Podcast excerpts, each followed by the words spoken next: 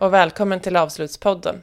En podd om avslut, nästa steg och nya början med mig Fanny Bergström Buller. I detta avsnitt ska vi prata om avslut av idrottskarriärer, något som ofta sker tidigt i livet. Och du kommer få möta den tidigare tiokamparen Henrik Dagård, som bland annat tog silver i EM Helsingfors 1994. Vill du höra fler personliga berättelser om avslut? Lyssna då också in avsnitt två där Miko Maria Gustafsson berättar om hur hon avslutade en framgångsrik resa som entreprenör inom sociala medier och hoppade av för att göra någonting helt annat. Eller avsnitt 3, där Beatrice Ammer personligt berättar om hur det var när hennes man Henrik fick en hjärntumör och resan innan han gick bort. Eller avsnitt 5, där Linda Hörnfeldt delar förflyttningarna genom livet, vad som händer i avsluten när man flyttar från en plats till en annan och varför man kanske flyttar. Ja, det finns många personliga berättelser som kommer även framåt. Så håll utkik och följ Avslutspodden på Instagram och Facebook för senaste uppdateringarna. Ja, såklart i din poddspelare. Varmt välkommen in i det här samtalet.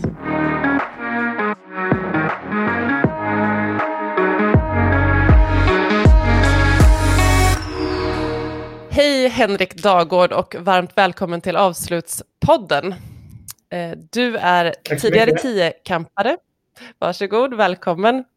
Eh, du är tio, tidigare tiokampare och ehm, nu jobbar du som försäljningschef på Eleiko som tillverkar träningsutrustning.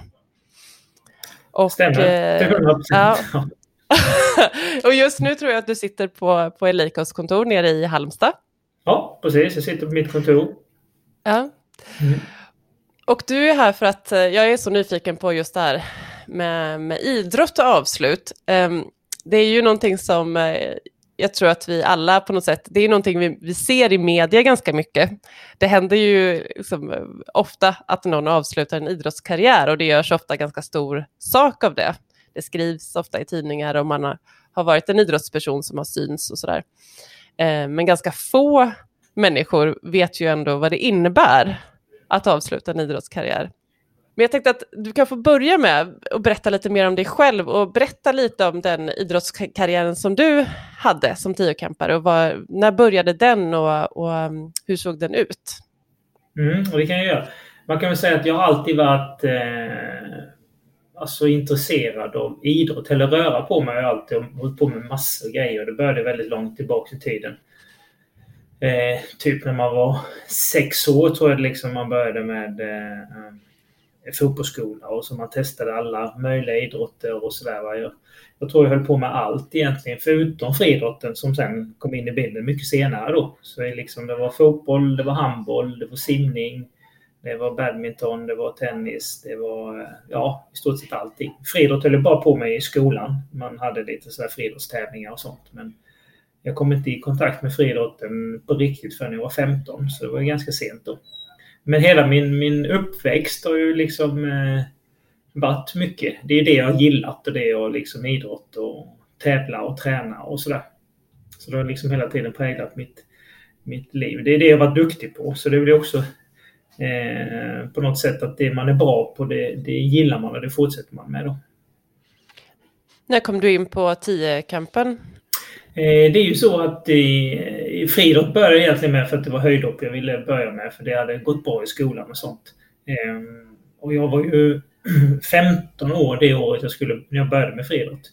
Och tiokamp är ju inte, det börjar man inte med direkt utan man, man testar i många olika grenar och sen så finns det något som heter mångkamp då. Utan då när jag kom ihåg när jag var 15 då och 16 så var det åtta grenar man körde då, åtta kamp då. Men det är ju, det, man, kan, man kallar det för mångkamp men, men sen är det ju då eh, 10 kamp, det är när man kommer upp sen i 18 års ålder då. Så när man kör alla 10 grenarna.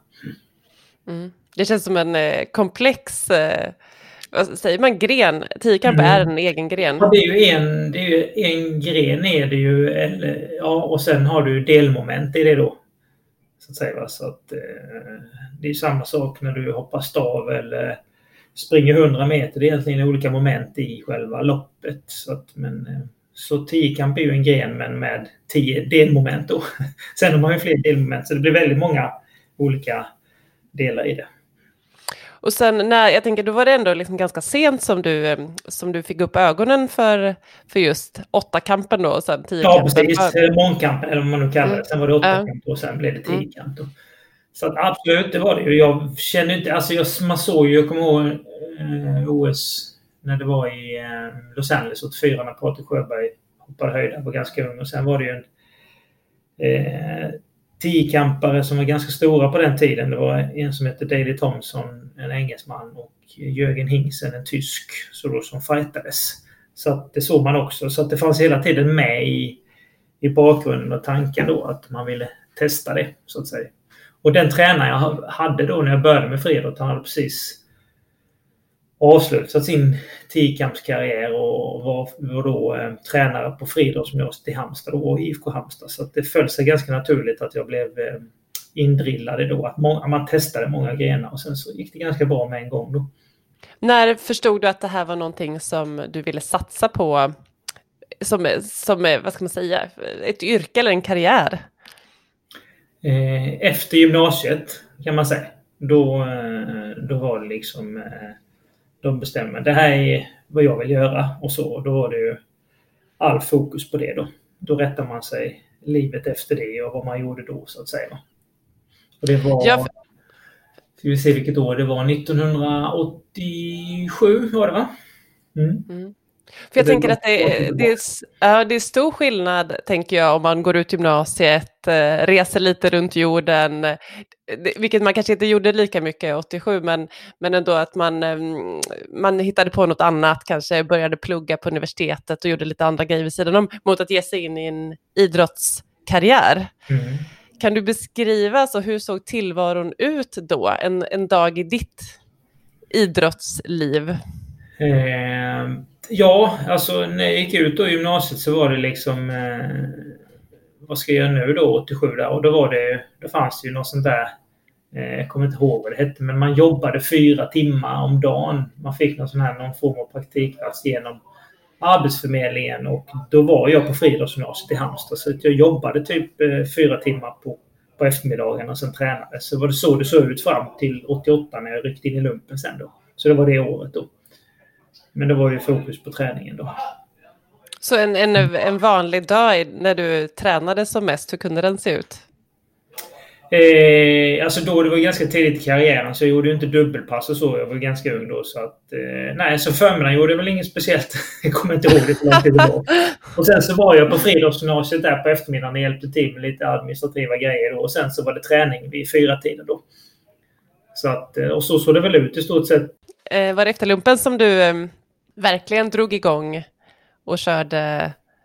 Ja, det kan man väl säga. Redan då, 1987, efter jag gick ut gymnasiet, så var jag med på junior-EM i tiokamp som 18-åring då när man tävlade i upp till 19 år. Och då blev jag sjua och sen året efter, 88, blev jag fyra på junior-VM. Och där då förstod man ju liksom att det här är ju, kan man ju nå ganska långt då.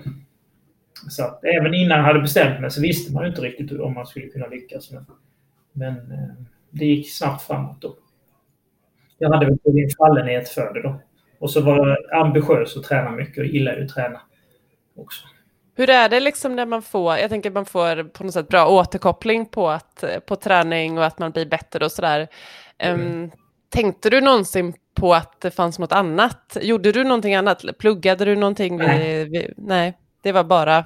Ja, jag gjorde det senare. Jag åkte över till USA sen 92 Eh, på college där och fick scholarship och tävla från skola då. Så, att, så att då var det ju mer fokus på att läsa. Det var man tvungen att göra då så att säga. Så att, mm. Men det kom lite senare i karriären. Ja, vad var höjdpunkten, om du tittar tillbaka, när du minns eh, din karriär? Eh, alltså två Jag hade ju lite problem med skador sen på slutet så det blev lite eh, avhackad karriär. Det blev liksom lite två karriärer innan skadan och sen efter skadan. Men höjdpunkten var ju absolut eh, när jag slog igenom 94. Eh, när jag tog EM-silver inomhus. Det är sjukamp tävlar man, man inomhus då, så att då har man ju inte eh, diskus och spjut då. Och så tar man väck igen igen så att man springer inte 400 heller. Så, att, så det blir lite färre grenar. Men då var det inomhus-EM i Paris 94 som jag kom dit då och, och det var väl egentligen ingen som trodde, inte jag heller knappt kanske. Men då tog jag silver då på EM där då. Eh, och sen så eh, utomhus 94 också då var jag med och slog, slog som guldet och blev eh, tvåa där också. Så det var, det var ju två stora ögonblick då. Mm. Hur känns det när du tänker på de tillfällena idag? Eh, det kändes på något sätt att det var början och det, var, det gick snabbt fram där och det var synd för att sen så tog det lite, lite stopp där tyvärr med skador och sånt. Men det, det känns både bra men ändå känns det dåligt för det kunde gått ännu bättre. Mm. Mm. För du, du säger ju det att du var en del skadad sen. Mm. Och jag tänker, när man eh, är skadad som idrottare, är det, liksom, börjar man tänka på det här med avslut av idrottskarriären då? Eller är det mer, hur var det för dig? Alltså var det, eller var det mer liksom känslan av att man ska övervinna den här specifika skadan och komma tillbaka? Ja, detta var då eh, eh 96 som jag slet av hälsenan då. Och eh, då var jag så pass ung. Jag var ju bara 26 då, så att det var ju liksom, det var mitt i karriären då. Så då, då var det ju ingen fokus på någonting annat än att bara komma tillbaks och göra det som krävdes då. Så att då fanns det, fanns, det var senare i karriären sen när man liksom eh, började närma sig 30-årsåldern och man förstod att, att det är en rätt tuff period att ta sig igenom. Men då började man fundera på avslutet då. Men inte mm. då när det är mitt i så att säga. Nej. Va, va, när, hur länge brukar en friidrottare, hur högt upp i åldern brukar man som friidrottare kunna hålla på? Eh, beror lite på vilken gren. Håller du på med typ kastgrenar, typ diskus och kula och, och eh, maraton och så, lite längre lopp, då brukar du kunna hålla på längre upp i åldrarna, upp nästan, eh, ja, lite, alltså folk som har denna till och med 40 år. Men annars brukar det väl vara där strax över 30, runt 30, 30 kanske 32, 33. Mm. För det, Då är man ju ganska ung. Ja, det är man. Men eh, tittar man ännu längre tillbaks i tiden, man tittar på simmare och sånt, och slutade de med gymna gymnaster, då var de ju färdiga nästan när de var 23-24. Så, att, eh, mm. så det hela tiden flyttas framåt lite grann. Mm. Mm. Och sen så, när, berätta lite grann, när kom du till liksom det här med avslut? När, när kände du att det inte fanns att, vad det, handlade det om lust eller handlade det om att kroppen inte ville? Eller vad var liksom anledningen? Ja, det var en kombination kan man väl säga. Eh, alltså jag hade ju gått bra då om man, nu, om man går lite tillbaks i där när jag tog mina medaljer där 94 och så och sen så skadade mig 96 inför OS och sen så kom man ju tillbaks då och då vet man vet ju vad det innebär att komma tillbaks efter en tuff skada eller en operation. Man vet ju hur lång tid Eh, Eh, rehabiliteringen och så tar då. Eh, så jag kämpade ju verkligen. Så jag var med i OS i Sydney. Det var min sista tävling 2000. Eh, som jag blev tia då. Och då kan man säga efter, när jag, efter man var klar med 1500 meter, när man har passerat mållinjen, när man ligger där chippa efter andan. Då tittar jag upp i himlen liksom. I, då var väl klockan vid 11, halv 12 på, på natten i, i Sydney. Då tittar jag upp i himlen. Alltså aldrig mer, tänkte jag för mig själv. uh. Och då, där, var det, där var slutet då, kan man väl säga. Det var då jag rent mentalt var eh, färdig med min friidrottskarriär. Sen tog det väl något år till innan det liksom hade lagt sig och man bestämde det fullt ut. Då. Ja, för jag tänker ibland så kan det, jag, jag, tänker, jag kan definitivt inte relatera till känslan av en sån eh, kraft. Ja, man var så liksom helt utpumpad. Jag har gjort det så många år och jag kände att kroppen var... Jag hade verkligen fått kämpa för att kunna klara och vara med på ett OS då, för jag hade problem med både med knä och hälsen och allting. Och jag visste ju vad som krävdes om jag skulle kunna bli bättre. Och, och så för målet var inte att vara med och, och bli sämre, utan i så fall skulle jag vara med så skulle jag kunna bli bättre och på samma nivå kanske lite till. Och då visste jag att det, det, var, det kunde, det kunde inte gå liksom. Jag pallade inte det mentalt. Så att, då var man liksom motivationsmässigt. Runt omkring dig under den här perioden, vilka liksom personer fanns i ditt team? Mm. Så det var lite olika i olika tider. Jag flyttade lite. Och först så bodde jag i Halmstad givetvis. Och sen så um, Eh, Eh, i den vevan när jag slutade eh, gymnasiet och bestämde mig för att satsa och gjorde lumpen. Då gjorde jag det upp i Stockholm och bytte jag till en klubb som heter Hässelby. Så då bodde jag i Stockholm en period. Eh, och sen efter det så var jag i USA i, i två år. Och sen så eh, var jag hemma igen. Så det var lite olika team beroende på var, eh, var jag var någonstans och så. Att, eh... Jag tänker att, eh, nu är jag nog lite ute på att mm. uttala mig om saker som jag inte vet så mycket om, men jag tänker, jag tänker tänka mig att det har hänt en hel del kopplat till den här liksom, coachande biten kanske mm. från den tiden du var aktiv till idag. Mm. Eh, jag tänker vilket liksom support hade du från i just, jag tänker det, det avsluta en idrottskarriär även om man är skadad, är, liksom, det är en process och säkert många tankar kopplat till det. Mm. Nej, ofta har man ingen, nej, ingen speciell support eller någon plan utan det, det, jag skötte det egentligen själv. Och man börjar ju inse någonstans där sista åren kan man väl säga, börjar man inse att man måste göra någonting liksom vid sidan om karriären. Och jag var inte sådär sugen på att sätta mig och plugga utan jag pluggade ju lite i USA med inriktning på ekonomi men jag blev liksom aldrig färdig i och med att jag bara var där i två år då. Så att eh, så man, man började väl dra lite i trådar då. När jag bodde i Karlskrona var det sista, sista åren jag höll på då. 98 till eh, 01 när jag slutade då. Och då började man ju dra lite trådar vad som fanns och, och sådär. Så då började man väl fundera successivt. Då. Men när du, jag tänker så här, hur, hur, hur mår man i den processen? Är, är du liksom, äh, tänkte du väldigt rationellt kring det här eller gick du och bar på en massa känslor? Ja, man funderar väl lite och sådär. Sen har jag väl aldrig varit den som grubblar för mycket utan jag brukar väl eh, gå vidare rätt snabbt och försöka liksom fixa det jag vill fixa. Se till att lösa någonting som blir bra. Ofta brukar det bli bra till slutändan om man verkligen vill någonting. Mm. Du tog det liksom an det som ett projekt? Ja, lite så. Utan att egentligen ha någon plan. Utan man, man bygger väl upp det successivt då. Man lägger ut lite kontakter. Och man, jag såg en annons i, eh, i tidningen då i, i BLT som det heter, Blekinge Läns Tidning, att man sökte sådana försäkringsombud inom Folksam. Och då började jag liksom successivt lite jobba med, med det då. Eh, blev utbildad lite inom försäkringar. Och jag jobbade parallellt de sista åren där med, med försäkrings... Eh, sälja försäkringar och sådana saker. Mm. Det, det, det, känns ändå som ett, liksom, eh, det är ett drag som jag tänker alla kanske inte... Nej, ofta kanske man väntar till liksom den dagen. Nej, nu får jag inget förlängt kontrakt med fotbollslaget eller jag skadar mig och, och sådär. Och sen helt plötsligt står man där en dag man har ingenting att göra liksom. Nej. Så det var liksom lite strategiskt att... Ja, det blev väl så, men eh, utan att tänka på det kanske med någon plan. Utan det mm. bara det kom liksom. Det finns där i det undermedvetna och man gör det som behövs, så att säga.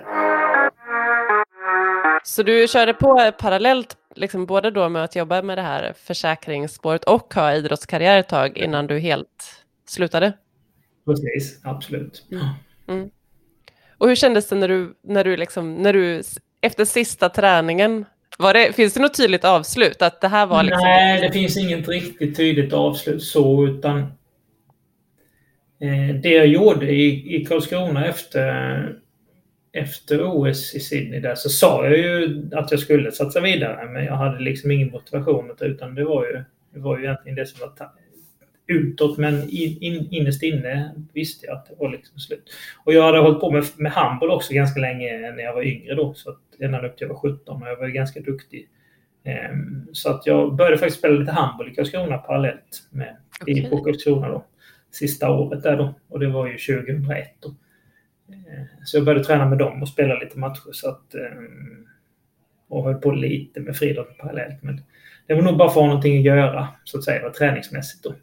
För det var inte kul att träna friidrott längre. Men handboll var ju kul. Ja. Så det körde jag ett år där då. Så det var lite det här som du beskrev att du alltid sedan du var liten höll på och tränat, att du liksom känner mm. att du eh, vill ha idrotten i livet? Ja, på något sätt. Mm. Mm. Just det. Om du tänker tillbaka liksom nu utifrån där du befinner dig idag och mm. när du tittar tillbaka, hade du gett dig själv något råd när du befann dig i den här processen? Du tänker på avslutet eller i träningsmässigt? På avslutet, liksom den processen som ledde fram till avslutet. Något, är det något du skulle gjort annorlunda eller något? Eh... det föll sig ganska bra egentligen. Eh, sen flyttade vi tillbaks till Halmstad där jag ursprungligen kom ifrån då. Och då började jag jobba på Folksam där också på kontor. Så jag fick en anställning där på, inom försäkringsbranschen också. Men då, ehm, då hade jag ju tur att det var ett reportage i, i tidningen i Halmstad då. Att, ehm, att jag har slutat min karriär och flyttat tillbaks till Halmstad. Och då var det eh, Eleikos ägare som, eh, som såg detta då och kontaktade mig då. För de hade lite planer för en satsning framåt då.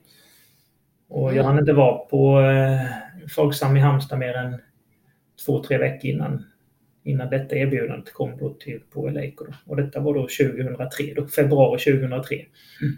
Just det, och då var Eleiko mm. inte så stort heller kanske? Nej, det var vi inte alls. Utan Eleiko var, hade ett starkt varumärke inom en nisch då som är tyngdlyftning. Och, och, men inte så mycket inom gym och fitness som vi kallar det för så då.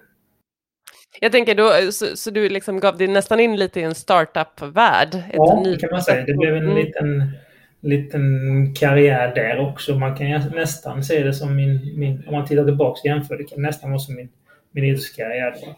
Det fanns ett, ett bra varumärke och bra produkter.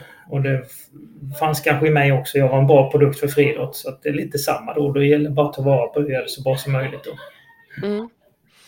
Mm, nej, jag tänker det kanske också fanns, eh, jag tänker att det kanske underlättade också den här processen att ge sig in i någonting där man kan liksom bygga upp någonting.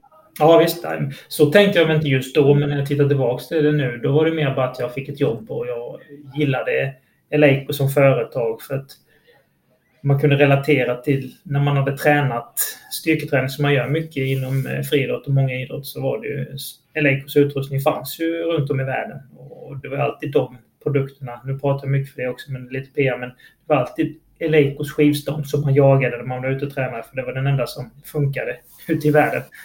Så att säga.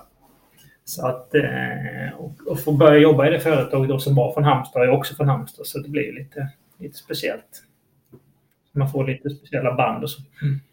Och du har även gjort andra saker efter du avslutade din friidrottskarriär som har med idrott att göra, har jag förstått. Ja, lite parallellt när jag började på Eleiko här så, ehm, så var mitt, mitt uppdrag att starta igång eh, vår utbildningsverksamhet.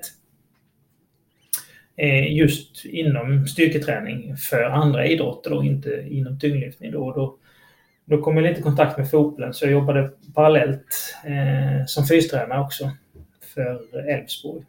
Eh, från 2003 till 2009 och likadant i Halmstad BK också i två år. Då. Så, att, så det var lite parallellt där då som jag både jobbade på Eleiko och eh, var anställd både inom fotbollen då. Så du har liksom också lite koll tänker jag, på andra, andra idrotter. Vad, om du ser på unga människor mm. idag som satsar på en idrottskarriär, vad, jag tänker att du som har liksom gjort resan och också kommit till det här avslutet, ser du saker som mm. man borde jobba med eller gör man det idag på ett annat sätt? att förbereda idrottare för vad som komma skall? Jag tror det är svårt att göra det. Eh, när man väl håller på med idrott så är man så fokuserad. Det är samma sak när man håller på med ett, med ett yrke som man trivs med nu. Då tittar man inte framåt på vad ska jag göra om tre år och fem år. Utan det kan man ju säga göra, men jag tror man måste vara ganska mycket i nuet för att kunna prestera. Man får inte se för långt fram och man får inte se för långt bak heller. Utan man måste ta nuet det är ju det som är det viktigaste egentligen. Så att det, är svårt att, att, att, ha för mycket tankar framåt. Så känner jag. Mm. Ja, så, men för jag tänker också att man har sett eh, en hel del idrottskarriärer som kanske inte alltid har slutat så lyckligt. För att, för att det gissar jag blir ett väldigt tomrum då. Om man kanske inte heller har preppat med att jobba på försäkringsbolag. Ja, nej men jag tror det är så här. Man måste på något sätt, eh, det beror lite på vilken Alltså inom friidrotten fanns det ju inte... Jag kunde leva på min idrott, men jag kunde liksom inte jag förstod ju någonstans efteråt att jag kan ju inte leva på detta utan jag måste göra någonting annat sen längre fram. Så det, det fanns ju med hela tiden. Det var liksom ingen lyx och glamour och på det viset. Eh, om man nu relaterar kanske till fotboll eller något sånt där, om man kommer upp på den nivån att man är med landslag och proffs ut, så det är helt andra pengar.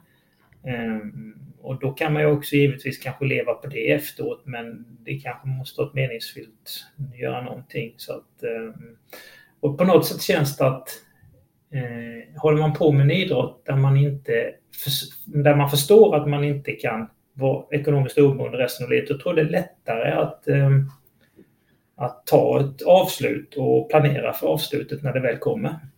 Eh, än om man liksom eh, inte behöver tänka på sitt avslut någon gång i sitt liv, utan helt plötsligt så blir det bara ett avslut.